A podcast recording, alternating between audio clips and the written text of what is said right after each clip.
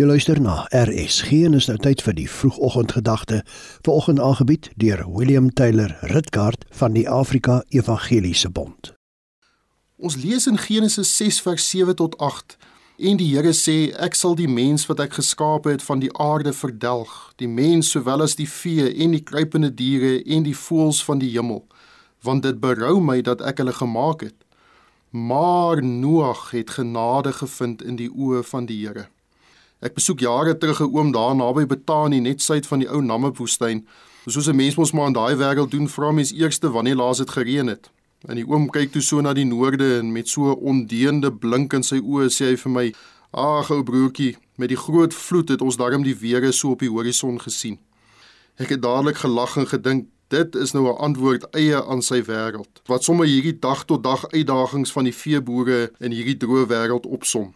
Maar natuurlik is dit nou nie 'n Bybelse stelling nie, want Genesis 7 vers 19 sê vir ons en die waters het heeltemal die oorhand gekry op die aarde. Selfs daar oor die ou Namib woestyn was 'n watervloed.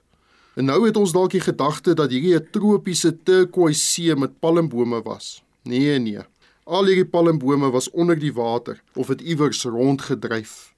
Ons geleesde tekste praat van God se toorn van maalkolke, van golwe, bruisende waterdieptes wat geruik het na die dood. En bo op daardie verwoestende water, sonder einde, kreun en kraak 'n boot, gemeng met die onrustige geluide van diere en weerlig in die verte. Belangriker as enige iemand of iets anderste is daar een man in daardie dobberende goferhout ark besmeer met pik. Maar nie net besmeer met pik nie, maar aan mekaar gehou deur genade.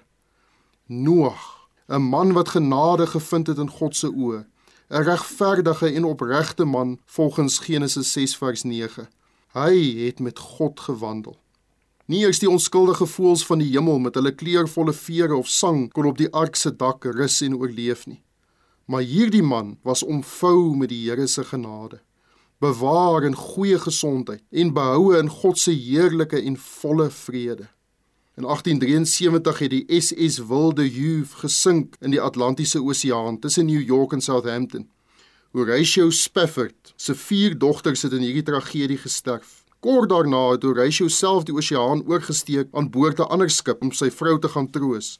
Naby die plek waar sy dogters gesterf het, het die kaptein hom geroep en die plek vir hom aangedui waar sy vier dogters gesterf het. En daar begin hy die bekende lied te skryf. When peace like a river attendeth my way, when sorrows like sea billows roll, whatever my lot thou hast taught me to know, it is well, it is well with my soul. Die Here bewaar nie net fisies nie, maar geestelik elkeen wat by hom skuil, elkeen wat met hom wandel soos Noag. Mag ons by die Here so skuil. Amen.